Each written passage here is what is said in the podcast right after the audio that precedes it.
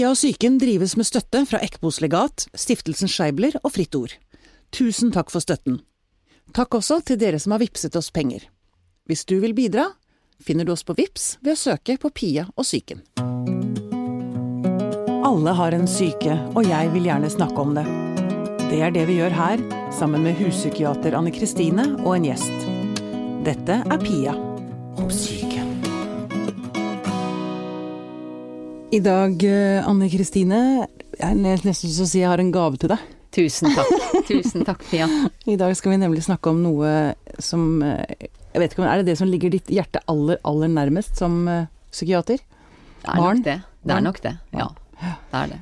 Vi skal snakke om barn og barns psykiske helse.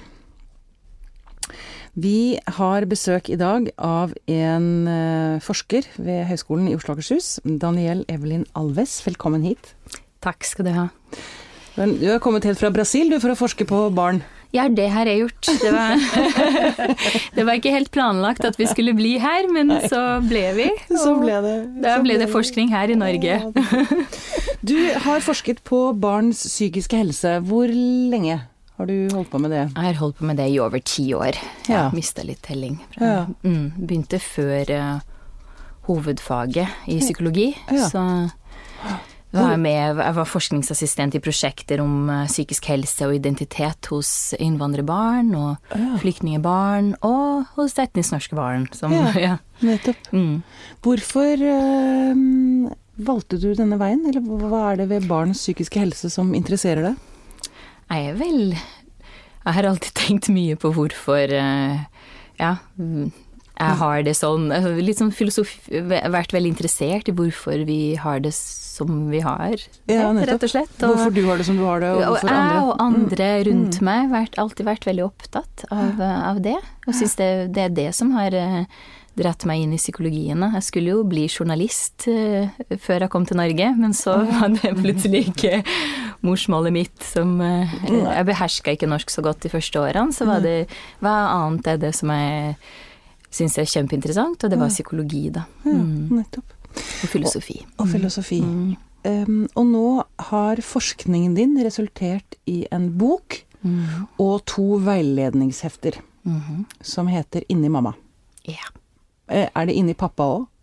Eh, Det kan være inni pappa òg, så Eh, det var bare, Man må alltid Eller sånn Det var de tipsene jeg fikk fra, mm, forle, fra de forlagene som jeg sendte Jeg har jo sendt Konsepter. konsepter rundt omkring Mm. til eh, ulike forlag, og mm, fått noen gode innspill på manus. Og da var det det med å prøve å, å gjøre historien så enkel som mulig. Mm. for jeg vil jo nå de minste barna. Og, da, og jeg har vært helt enig, jeg syns at det har vært veldig bra. At det er blitt en, en god tekst. Og så i de første utkastene så var det en pappa med der.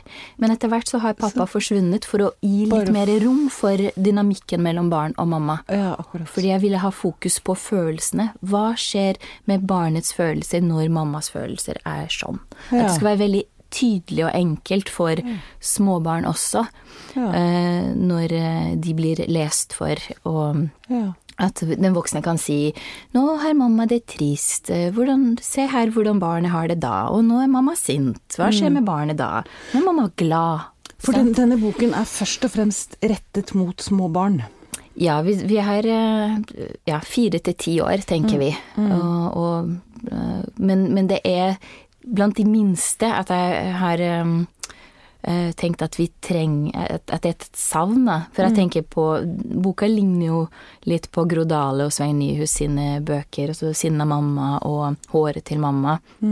Eh, men, men her ville jeg Så det Jeg ville ha et en, enda enklere tekst, da. Enda Altså at det kan nå de, de minste. Yngre. Mm, så vil jeg ha både tristhet og sinne og glede. Så det skulle være fokus på den, det samspillet. Og så skulle barnet være eh, jeg-personen. Altså det skulle være barnets stemme. Eh, Ba barnet som er hovedpersonen. ja. Mm. Og det skulle være fra et jeg-perspektiv, altså barnet, det er barnet som snakker til leseren. Ja, nettopp. Du, eh, du har altså forsket på barn og deres syke i ti år. Mm. Hva har du funnet Du, du må ha truffet veldig mange barn Mm. i denne perioden. Ja, det har jeg. Um, og familier. Og familier, ja, ikke sant. Mm.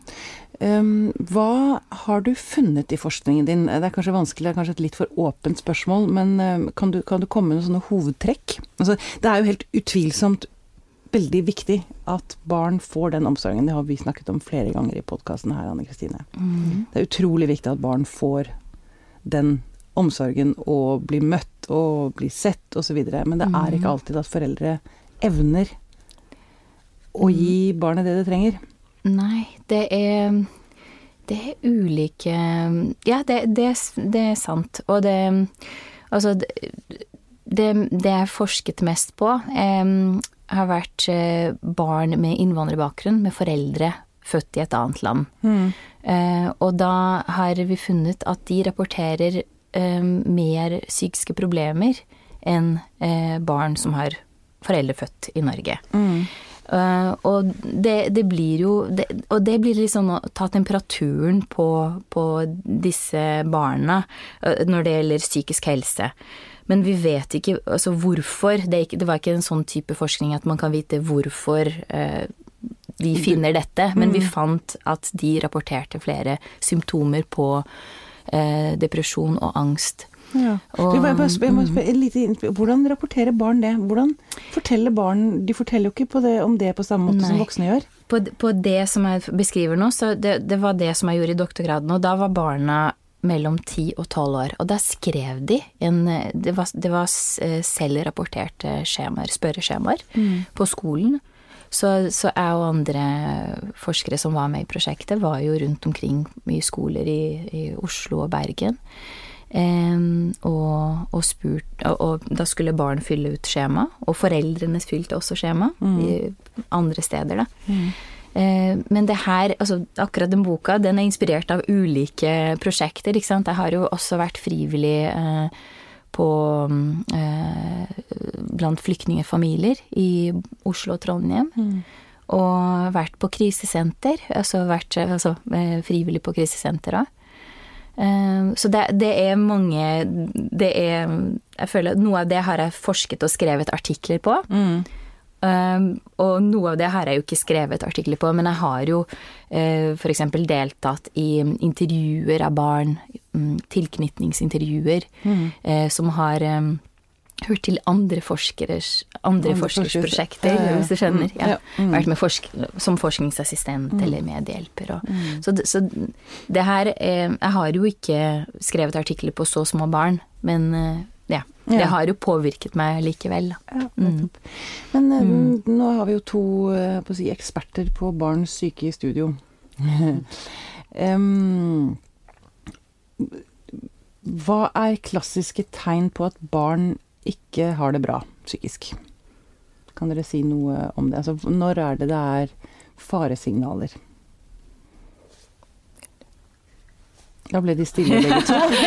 det er så mange ting Det er så voldsomt og vanskelig og Det er så mye, men hvis du tenker på hva f.eks.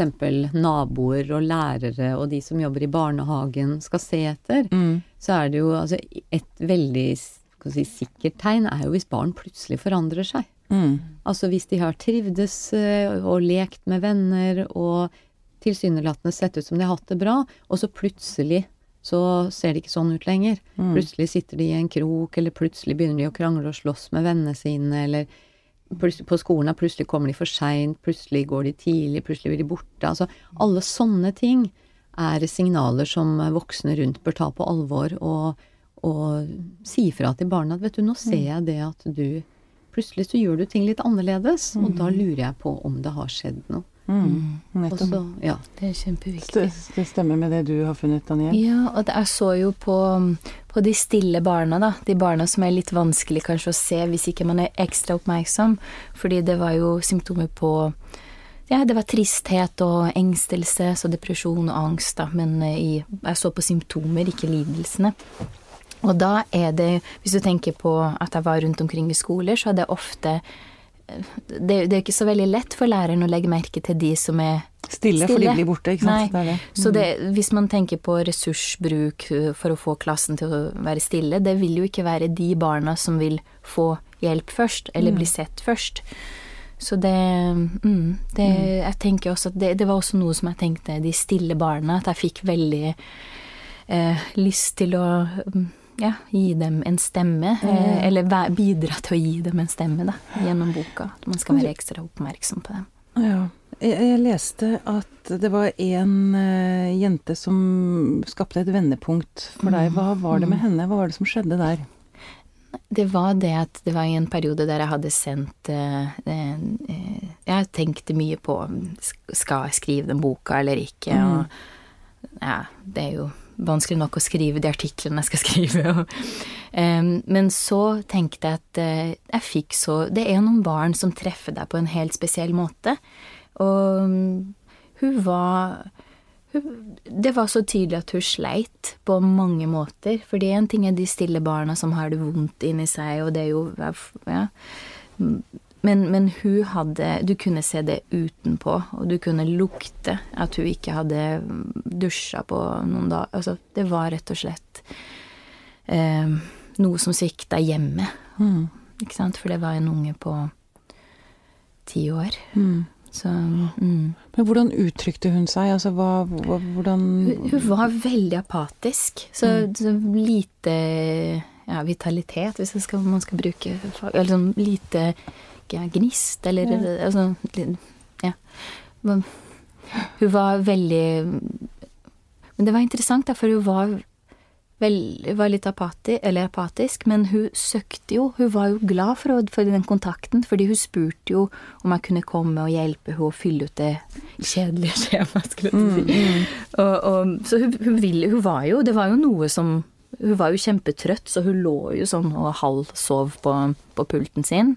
Men hun skulle likevel fylle ut et mm, mm. spørreskjema, mm. og hun ville gjerne ha eh, en av oss forskningsassistenter som var med der, da, til å, til å komme og hjelpe hun å fylle ut skjema. Og så etter hvert så ville hun at jeg skulle lese spørsmålene høyt for hun. Så det, vi fikk en kontakt, da. Det var jo egentlig en sånn noe som skulle være sånn ja, datainnsamling, men det var jo to mennesker som møtte hverandre, og jeg fikk en sånn voldsom eh, eh, empati da, for hun, for hennes situasjon. Ja. Mm, så at noen som er så liten eh, Ja, at det, det, er noe som svikt, som, som helt klart har svikta, ikke sant. Og hun er der på skolen, og, og etter hvert så var det jo det med å snakke med læreren og høre hvordan Altså, hvordan går det med det barnet her? Mm. Fordi du får jo vite altså, Hun ville jo at jeg skulle, skulle lese høyt, og hun kryssa jo av på at uh, det var uh, Hun skrev at mamma var lei seg, eller, ja. Og noen i familien Hun var bekymra for at noen i familien drakk for mye. Mm. Det var et av spørsmålene. Mm. Så da tok jeg kontakt med læreren, og da var læreren veldig sånn at ja, ja, vi, hun, vi, vi, vi har hun, hun, er i systemet vårt, og sånn. Mm. Men, men du, du, kunne se altså, det, det, hun er i systemet, men hva skjer da? Hvorfor kommer hun sånn på skolen? Hva, hva, de, hva gjør det med et lite barn å lukte vondt?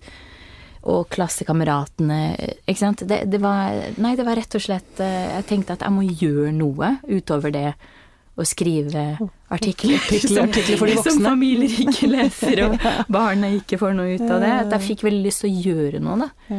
Så. Fordi dette prosjektet ditt, for jeg må nesten kalle det et prosjekt, mm. for det er som sagt én bok, for, mm. først og fremst for barn. Mm. Og så har du to veiledningshefter, ett mm-hmm. for foreldre og ett for fagpersoner. Ja. Ja. Mm.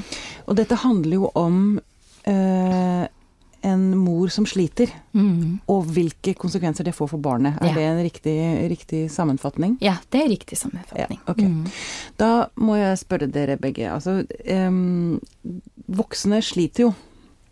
Ja, ja da. Ikke sant? Mm. Voksne har jo sine mm. greier. Jeg har jo mm. selv vokst opp i en familie hvor, som mistet et barn, og det er klart mm. at det preget Jeg har tenkt mye på det, at jeg ikke fikk det var ikke plass til meg, fordi sorgen til de voksne var så enorm mm. at jeg ble litt forsvant litt, ikke sant. Som har skapt mm. problemer for meg mm. i voksen alder.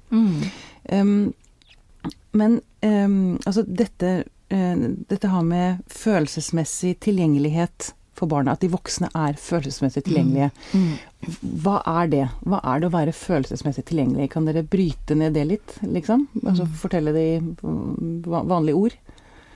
Altså det at man møter blikket, at man ler. Hva, hva, hva er det å være følelsesmessig tilgjengelig for et barn?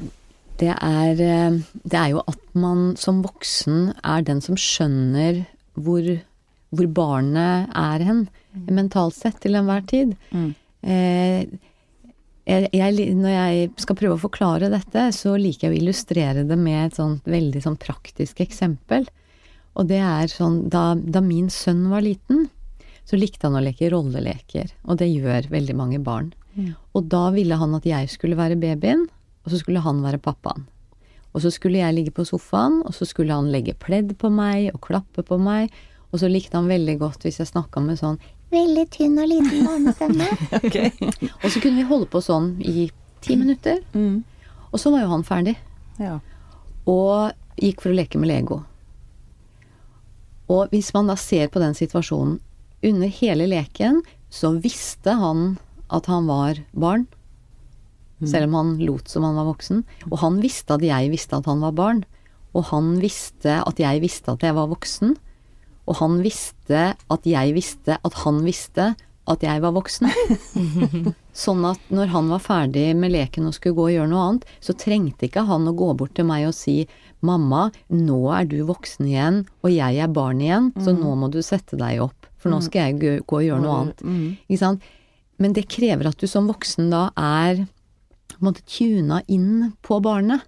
Og et, en voksen som er f.eks. alvorlig deprimert eller rusa, eh, vil ikke ha den evnen til å være til stede og se hvor barnet er, om barnet er i leken, om barnet er på vei ut av leken, inn i leken, hvilke følelser barnet har, hvilke følelser barnet leker at det har.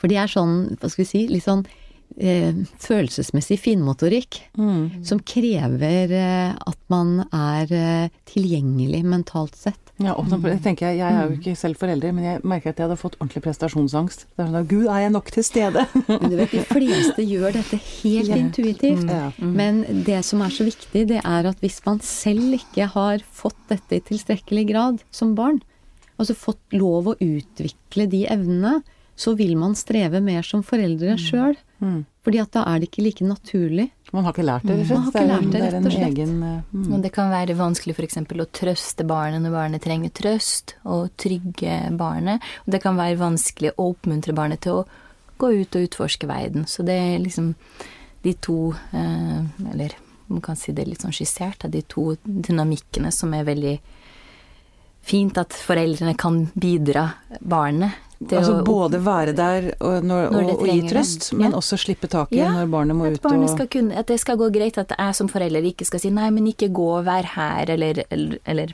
ja. mm. Eh, bli for, det kan bli for mye begge, begge Altså for lite trøst og for mye ja. du Og, ba- og bare sånn når et barn skal leveres i, i barnehagen, da må du som forelder, selv om du syns det er leit å forlate et barn på halvannet år i barnehagen, så kan du ikke som mor stå og gråte og si at 'å, så fælt at du må være her', og 'nei og nei, nå må mamma gå på jobb', og sånn. Det man må si da, det er at man må ha tro på at barnet kommer til å ha det bra der, og så må man levere barnet, og så må man si det at 'nå håper jeg at du får en fin dag i barnehagen', og etterpå så kommer jeg og henter deg. Mm. Men man kan ikke, man kan ikke klamre seg til barnet fordi man sjøl syns at det er vanskelig. Og da må man ha den evnen til å forstå hva har barnet behov for for å føle seg trygg i den situasjonen, og hva er mine følelser som voksen, for det er noe annet. Ja, nettopp. Og det som vi har snakket om i en eller annen podkast også, at det er barnets behov Ja, som er barnets viktig her. Ikke den, barnet er ikke der for å tilfredsstille den voksnes Mm. behov. Mm. Mm. Jeg tenkte, kan jeg bare si Ja, noe? Jeg tenkte på det som du sa med voksne, at vi ofte sånn, Det med å ha dårlig samvittighet som forelder. Og det er jo veldig mange som har litt dårlig samvittighet. Ikke sant? Og man tenker 'Å, har jeg gjort nok?' og sånn. Men de fleste er kjempeflinke. Jeg tenker at det er viktig å, å understreke det. Da. De fleste gjør det her naturlig. Og hvis man har litt dårlige perioder, det er også vanlig. Altså, vi er jo mennesker. Ting skjer i livet. Man blir satt ut. Men jeg tenker at det som er viktig her, er å vite at selv om du har en vanskelig fase, eller at du sliter som forelder, så fins det så mange bra folk der ute som kan hjelpe til. Ja. Og det er også noe som jeg skriver i, i veiledning her, men det er jo mange andre som, som har prøvd å også samle hvor får man hjelp hvis man sliter. Ikke sant? Men det er masse altså, Barnevernet òg, som mange foreldre er jo så livredde for, er de har jo masse tiltak for å hjelpe foreldre å få det til. Hvis, de har, hvis de går gjennom en, vanskelig fase. Mange forskjellige kurs de kan gå for å eh, bli Hvis de ikke har fått eh, Hvis de ikke er lært hvordan de skal eh, eh, Hvis de ikke er blitt sett på som barn når de har vokst opp i sin familie, eller hvis ikke foreldrene Hvis ikke ikke de er har fått det de trenger. Mm, Nettopp. Så kan man også lære seg det. Det fins kurs der ute, og, så det fins jo masse muligheter. Eh, og, og ja, jeg tenker bare at det er viktig å, å, å, å, vite det, da. Ja, ja. At det mm. Um, um, hvis et barn vokser opp i en familie da med en mor eller far eller begge, i verste fall, som ikke er tilgjengelige, um, eh, hva skjer med barnet? Kom igjen, på hvem Ja. en av dere? Eh, for, for å si det sånn, så eh, Det barnet får et mer strevsomt liv mm, enn andre. På hvilken måte? Eh, fordi at det barnet har da ikke kanskje hatt den derre trygge tilknytningen i bånd. Mm. Eh, det har ikke lært eh, det som vi var inne på i stad. Det kan man også på, en, på fagspråket kalle for mentaliseringsevne. Altså den evnen til å sette seg inn i andre menneskers eh, situasjon, forstå andre, det derre sosiale samspillet, alle de tingene som vi ikke sier, men som vi bare, vi bare vet. Mm. Eh, Det har ikke de barna lært, og da betyr det at i hvert nytt møte så må de bruke mye mer krefter enn andre på å tolke situasjonen, på å lese ansiktsuttrykk, hva betyr det egentlig når noen smiler? Og ikke vite egentlig ikke, Man å stoler ikke. på seg selv. Det er det som Nei, skjer, man kanskje. har ikke noe sånn Barnet eh, mister tillit til seg selv. Ja, og så har de ikke noe Altså de fleste av oss har et slags, hva skal vi si, skjema inni oss. At vi vet at hvis vi møter noen som smiler, så sier det oss at kanskje vedkommende er glad. Men hvis noen eh, Og glad for å se meg. Og glad for å se meg. Men hvis man har møtt veldig uforutsigbarhet og foreldre som ikke har klart å være til stede, så, så, så har man ikke noe sånn å gå på. Så da må man lure hva betyr dette smilet akkurat nå i dag fra det mennesket til meg? Og hvis du skal bruke tid på det hele tida, så bruker du veldig mye tid og krefter. Og det vi også vet, det er at barn som vokser opp i hjem med f.eks. rusmisbruk og alvorlig psykisk sykdom, eh, de har økt risiko for å dessverre gå inn i dårlige relasjoner seinere i livet, fordi de gjenkjenner ikke hva er en god relasjon, hva er en dårlig relasjon, og kan gå på noen smeller der, rett og slett. Ikke er noen, altså Det er ikke barnet sin skyld, men det har ikke det har på en måte ikke lært det, har det ikke på repertoaret. Daniel, har du med dette prosjektet, disse, disse veiledningsheftene og boken, hva er ønsket ditt med det? Jeg det du- hva- ønsker at øh, det er det med å gi barn i den situasjonen en stemme. Barn som har foreldre som sliter psykisk. Mm. En stemme. At de, de kan lese, eller de blir lest for, og så kjenner de igjen Oi, det er andre som har det litt sånn som jeg kan ha det. At jeg ikke er alene. Mm. Det er et av målene. Og det andre målet er at foreldre, ved å lese den boka for barna sine, kan få en motivasjon til å gjøre, gjøre noe med situasjonen sin. Til å Ja. få hjelp. Det er ingen skam å få hjelp. Og, og at eh, ja, ingen er perfekt, ingen foreldre er perfekte. Og, og, og ja, og motivere dem til å, til å gjøre noe for eh, sitt barn og sin familie og seg sjøl, da. Og styrke forholdet mellom Men hva, og hva tenker du med for fag, fagpersoner? Hva i forskningen din? eh, er det noe du har lyst til å trekke frem der som liksom fagpersoner bør vite om? Ja, det, det På en måte så har det vært litt overraskende at eh, så mange fagpersoner har snakka om at eh, det har vært vanskelig å snakke om det. At eh, de, de tenker at ok, foreldrene til f.eks. det barnet som er nevnte Mm. på den skolen, sliter, men Og de kommer ikke til teamet når vi prøver. Men det, det skjer det, det, er noe som, noen, som en del fagpersoner kvier seg for. Da. Og, og ta tak i, altså fordi de er redd for å dømme foreldrene? Og, og, det er jo forståelig også, på en måte, men samtidig så, så har det overraska meg hvor, som forsker, da, for jeg, mm. jobber jo ikke så, jeg jobber jo ikke direkte med disse familiene. I hvert fall ikke som, som psykologisk samfunnsviter. men men eh, det, det har overraska meg at, eh, at, det, at det Av og til så er det som om det er ulike øyer, da. At, at man jobber med Her jobber jeg med barn, og så er det noen andre som jobber med foreldrene. At det er Av og til så er det lite mm. samsnakk mellom disse øyene. Akkurat.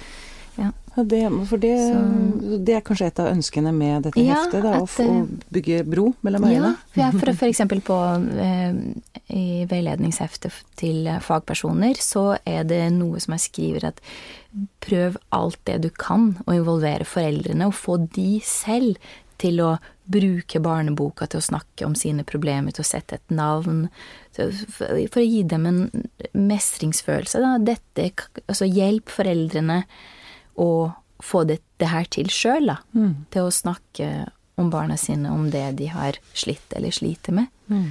Du, du, nevnte det med konsekvenser i sted, og så datt jeg litt. Det liksom, ja. Ja. Ja. Men uh, jeg tenkte også, noe som går igjen, er det at uh, man, eh, sant, at det setter seg litt i kroppen. Det er noen uh, leger som kom og snakka med meg sist jeg hadde, hadde en presentasjon under Barnebokfestivalen mm. om boka, og da var det noen som hadde jobba med barn som har gjentagende mageproblemer. Og, og, de sa det at de har blitt så mye flinkere i det siste til å, til å kartlegge for hvordan er situasjonen hjemme.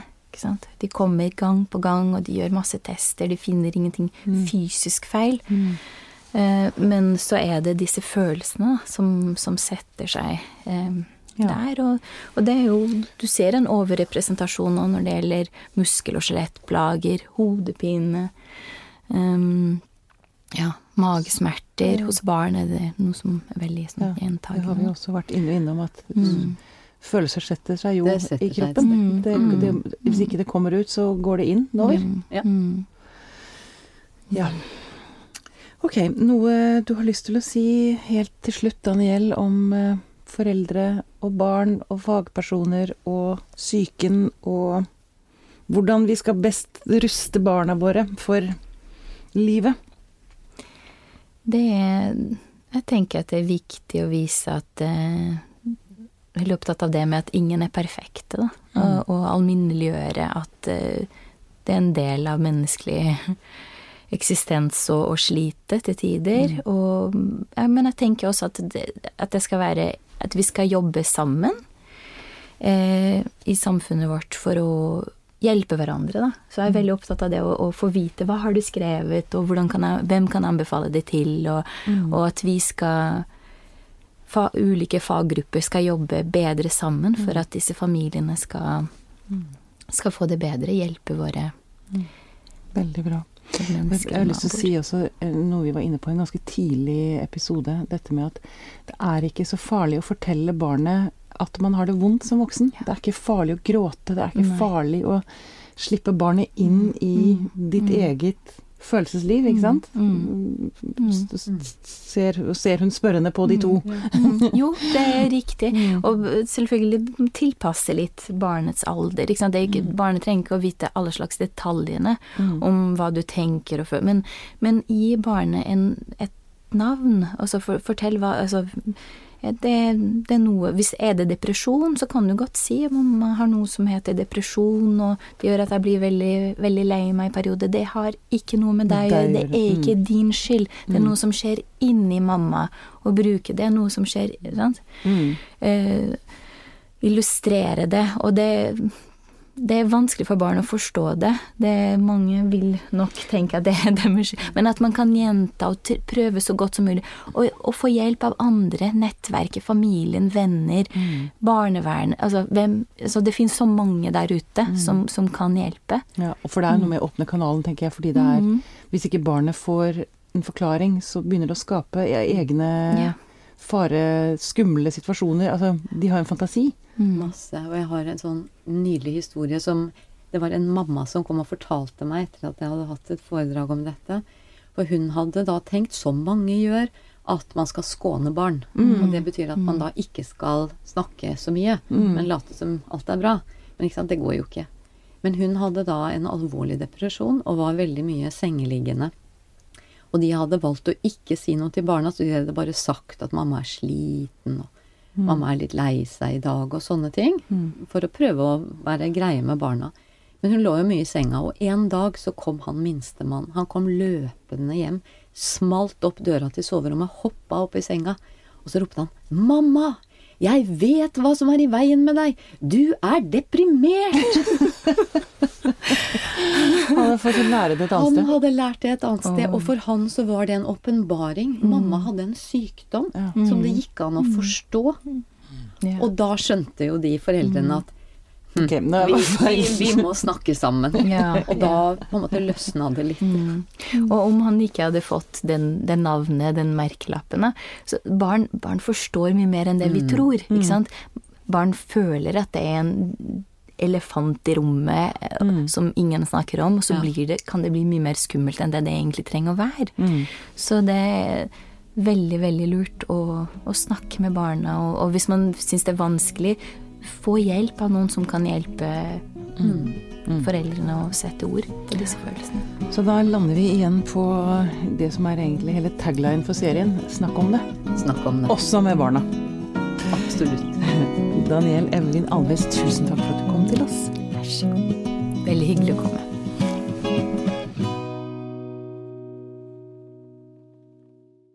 Denne Podkasten er produsert av Tid og Lyst.